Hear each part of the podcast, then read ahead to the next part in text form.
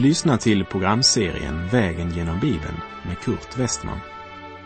Programmet sänds av Transworld Radio och produceras av Norea Radio Sverige. Vi befinner oss nu i profeten Joels bok. Slå gärna upp din bibel och följ med.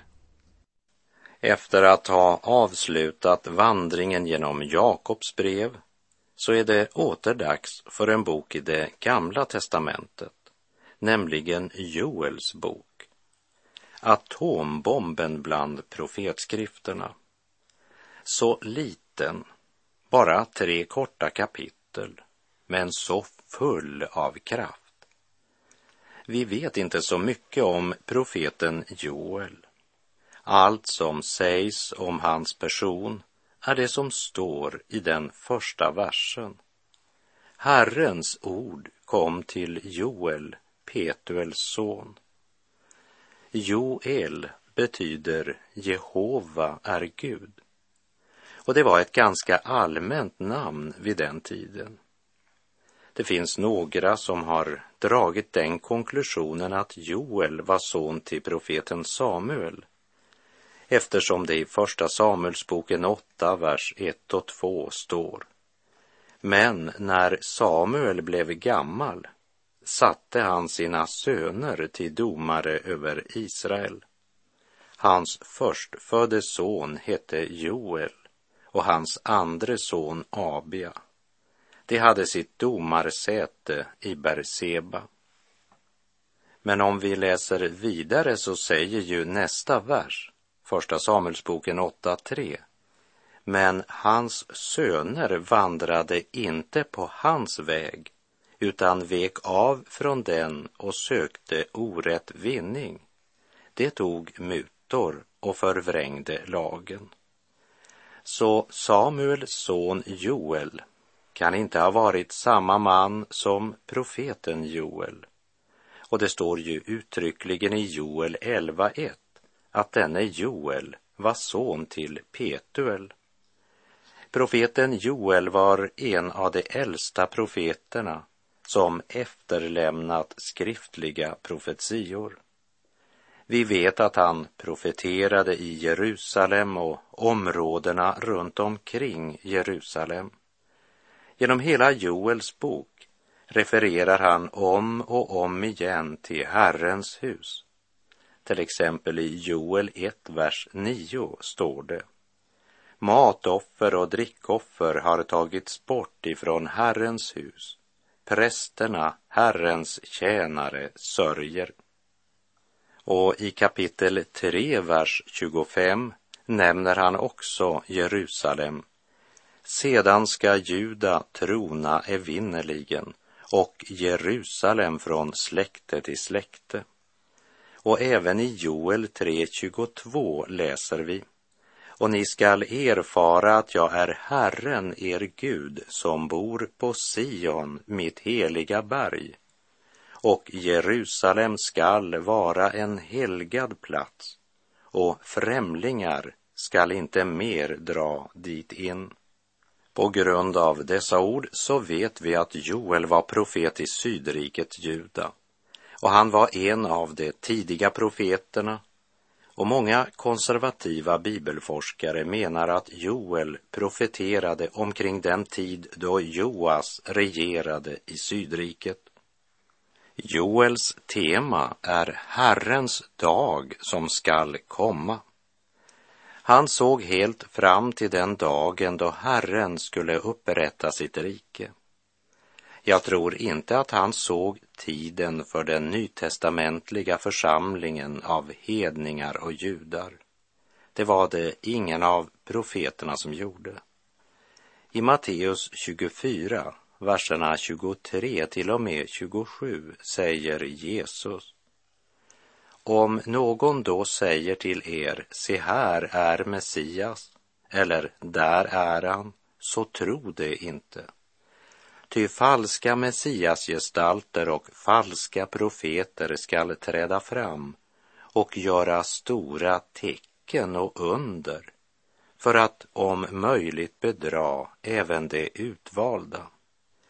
Jag har nu sagt er detta i förväg Om det alltså säger till er, han är i öknen, så gå inte dit. Eller, han är i de inre rummen, så tro det inte. Ty liksom blixten går ut från öster och syns ända borta i väster, så ska Människosonens ankomst vara. Det är värt att lägga märke till att i motsats till Hosea så säger Joel ingenting om sig själv.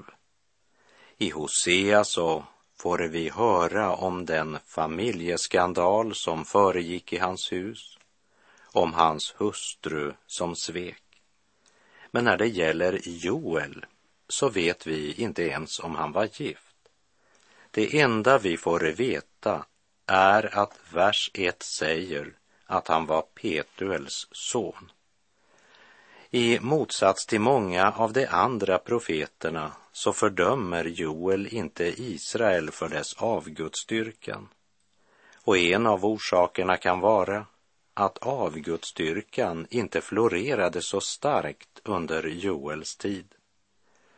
Däremot var synden dryckenskap tydligen allmänt utbredd.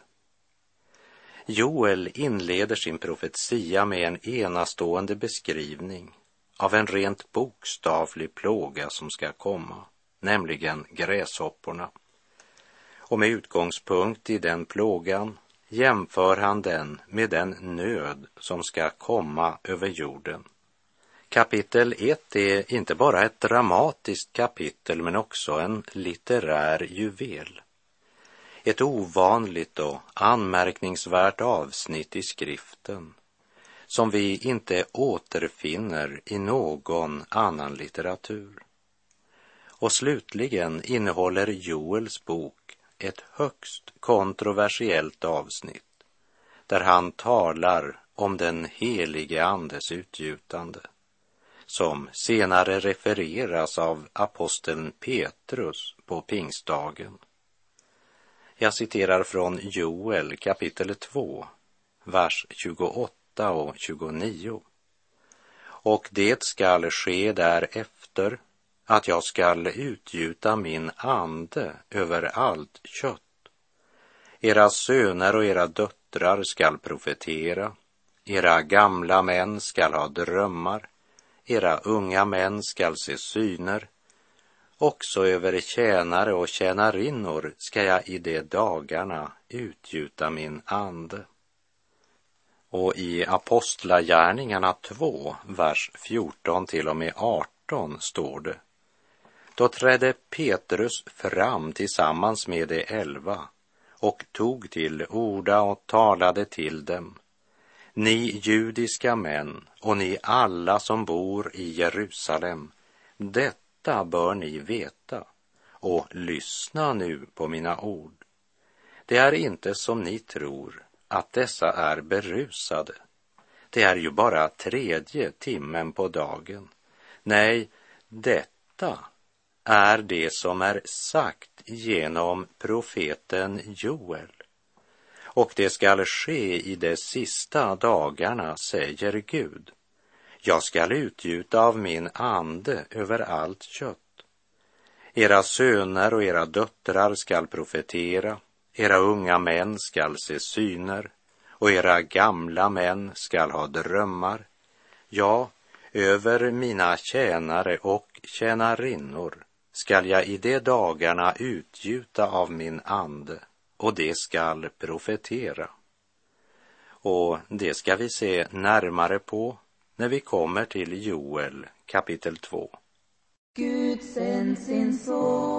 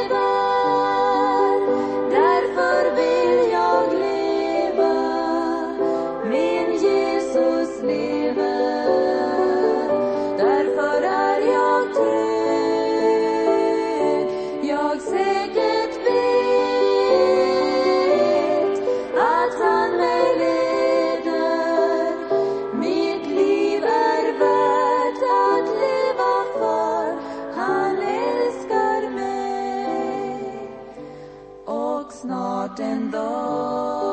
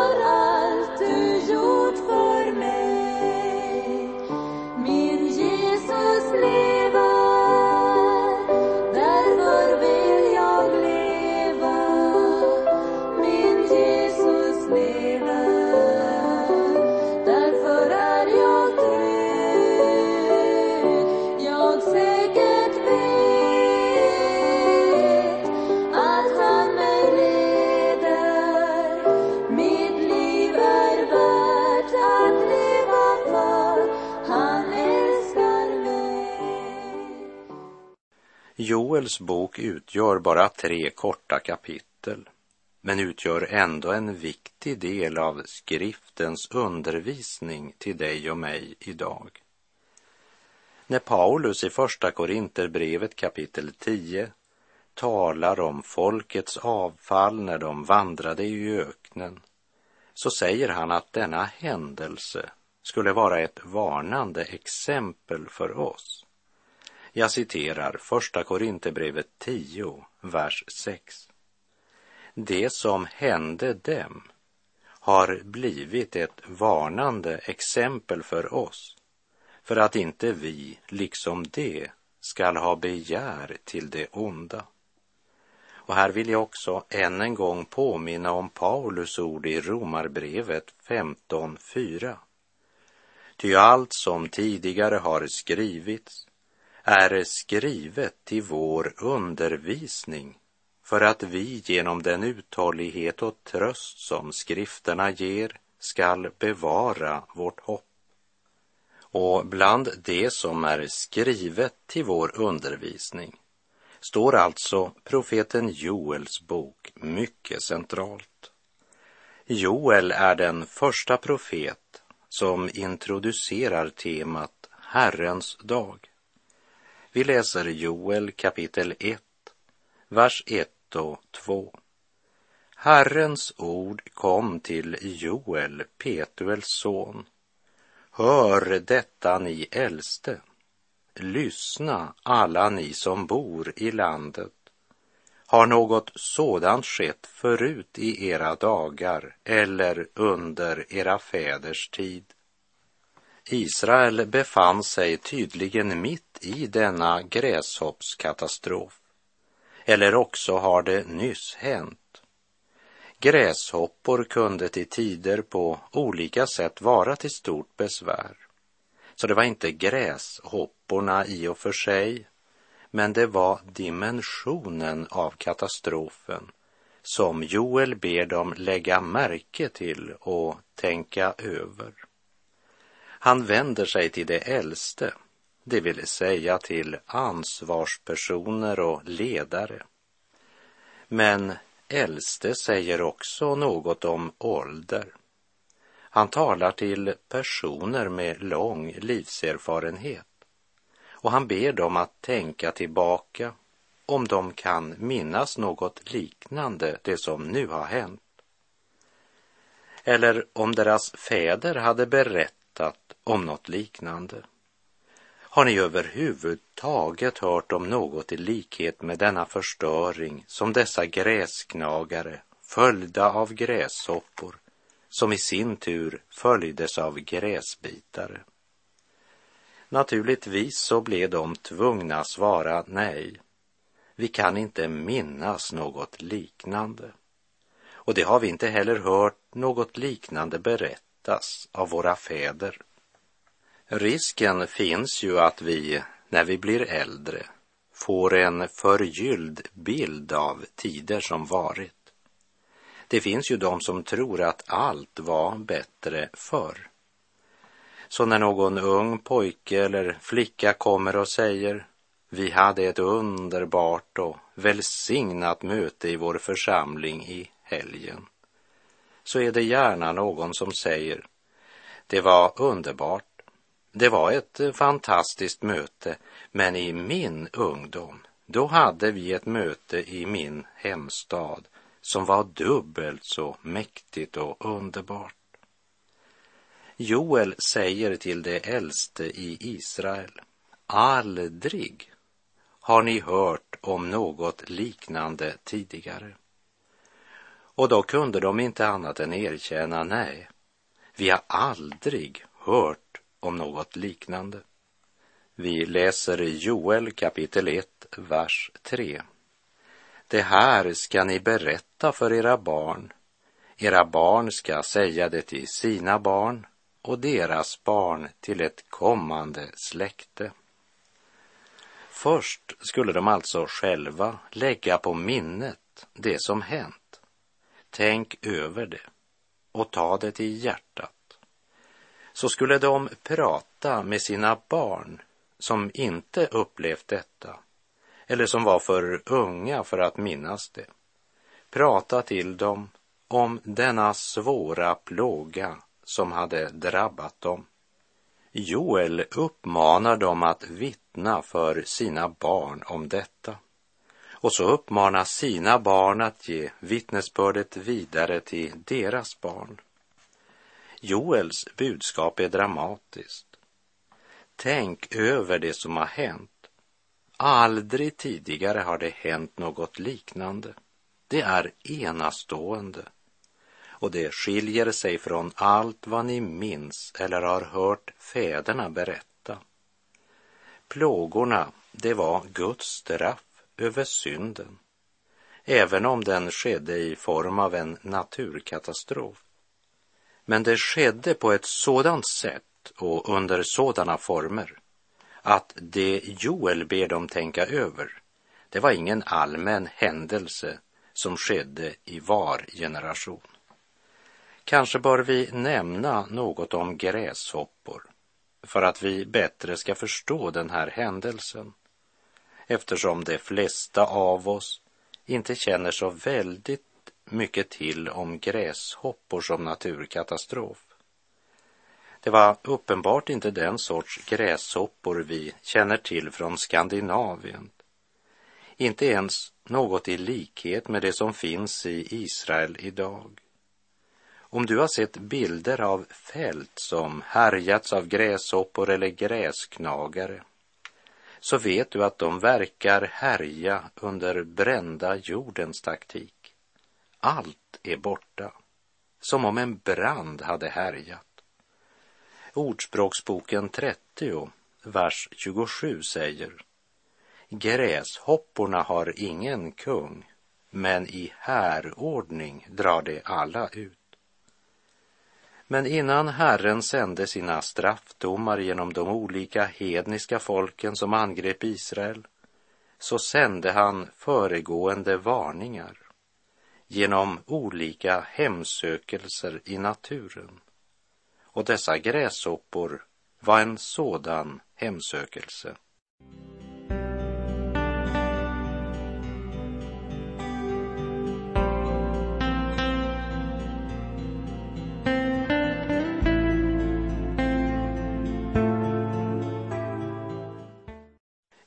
Joel ber folket tänka efter angående den aktuella händelse då gräshopporna hemsökte Israel på ett sådant sätt som aldrig hade hänt tidigare. Och så säger han följande, Joel 1, vers 4. Vad som blev kvar efter gräsknagarna, det åt gräshopporna upp och vad som blev kvar efter gräshopporna, det åt gräsbitarna upp. Och vad som blev kvar efter gräsbitarna, det åt gräsfrätarna upp. Han talar om hemsökelse i fyra steg. Först gräsknagarna, sedan gräshopporna, så gräsbitarna och slutligen gräsfrätarna. Men det siktar nog inte till fyra olika insekter utan hellre till fyra olika stadier i gräshoppornas framfart. Alltså en utförlig beskrivning av vad gräshopporna hade gjort vid den speciella och ovanligt svåra hemsökelse där inte något blev lämnat kvar. Allt blev borta. Gräshopporna sändes mer än en gång som en Guds dom över synden. Även om de flesta idag bara ville karaktärisera det som en naturkatastrof. Men Joel vittnar om att det är skaparen själv som står bakom dessa händelser. Joel var som sagt en av de första profeter som efterlämnade en skriftlig profetia. Han var sannolikt verksam ungefär vid den tid då Elia och Elisa verkade i Israel. Och så som Elia varnade Nordriket Israel så ropade Joel ut denna påminnelse och varning till folket i Sydriket Juda för den dom som skulle komma senare. Och konkret så tar han utgångspunkt i hemsökelsen de upplevt med gräshopporna.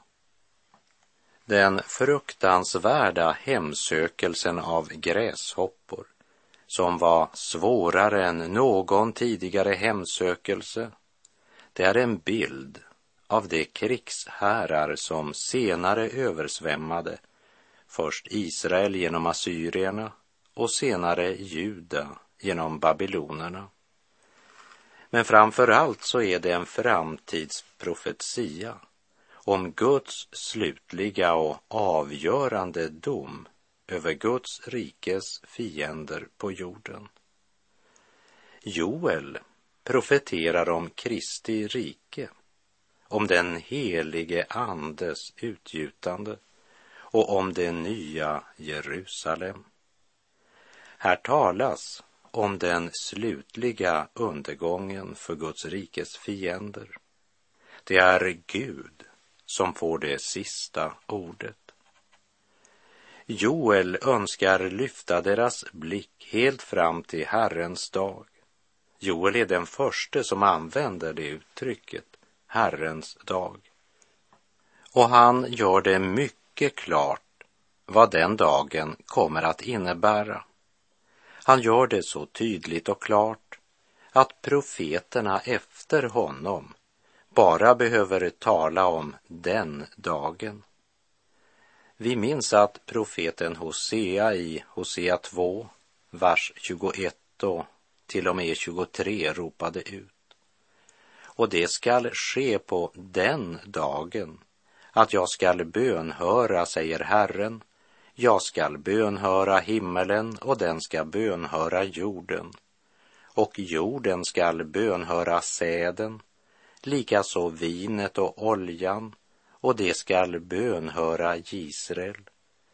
Jag skall plantera henne åt mig i landet och förbarma mig över Lo Rohama och säga till Lo Ami, du är mitt folk, och det ska svara, du är min Gud.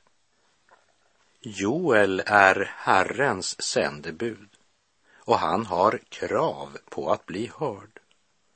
Därför ropar han, hör detta ni gamla och lyssna till den i landets alla inbyggare. Har någonting sådant skett förut i era dagar eller i era fäders dagar? Nej, om detta må ni berätta för era barn och era barn må berätta det för sina barn och deras barn för ett kommande släkte.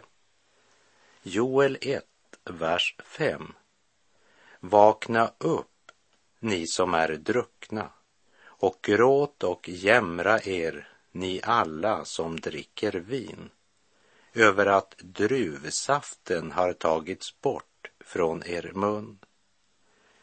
De första gräshopporna skövlade, det var vingårdarna, och de gjorde rent hus. Drinkarna hade inte mer något vin att dricka. Och alkoholisterna bland folket, de måste plötsligt börja sin avvänjningskur innan de själva hade tänkt det. För det fanns inte längre något vin att dricka. Dessa ord avslöjar att redan i början av Israels avfallstid var det dryckenskap som var den stora synden. Och när sinnet var bedrövat av rusmedel ledde det också till andra synder. Och mycken nöd, också i vårt land, hade avhjälpts om du tog bort alla berusningsmedel och de tragiska frukter som de har fört med sig för familjer och enskilda.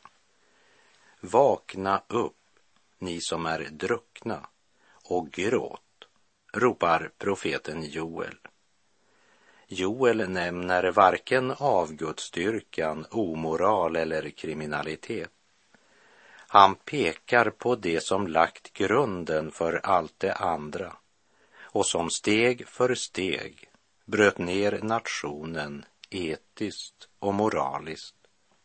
Man hade behållit templet, präster och religiösa aktiviteter. Men även det religiösa livet började präglas av människans lust och det utsvävande livet. Människorna erbjöds dels att få sitt religiösa behov tillfredsställt utan att bryta med synden och det liv som rådde bland de ogudaktiga. Och olika kulter och avgudsdyrkan växte fram när människorna sökte en ersättning för gemenskapen med en levande Gud som man nu steg för steg hade förlorat. Vinet bedövade tanke och samvete. Men genom profeten Joel konfronteras folket med evighetens vingslag när han kallar till omvändelse, ånger och gråt. Vakna upp, ni som är druckna och gråt, ropar profeten Joel. Och i nästa program så ska vi se närmare på profeten Joel och hans budskap och det folk för vilket han förkunnade sitt profetiska budskap.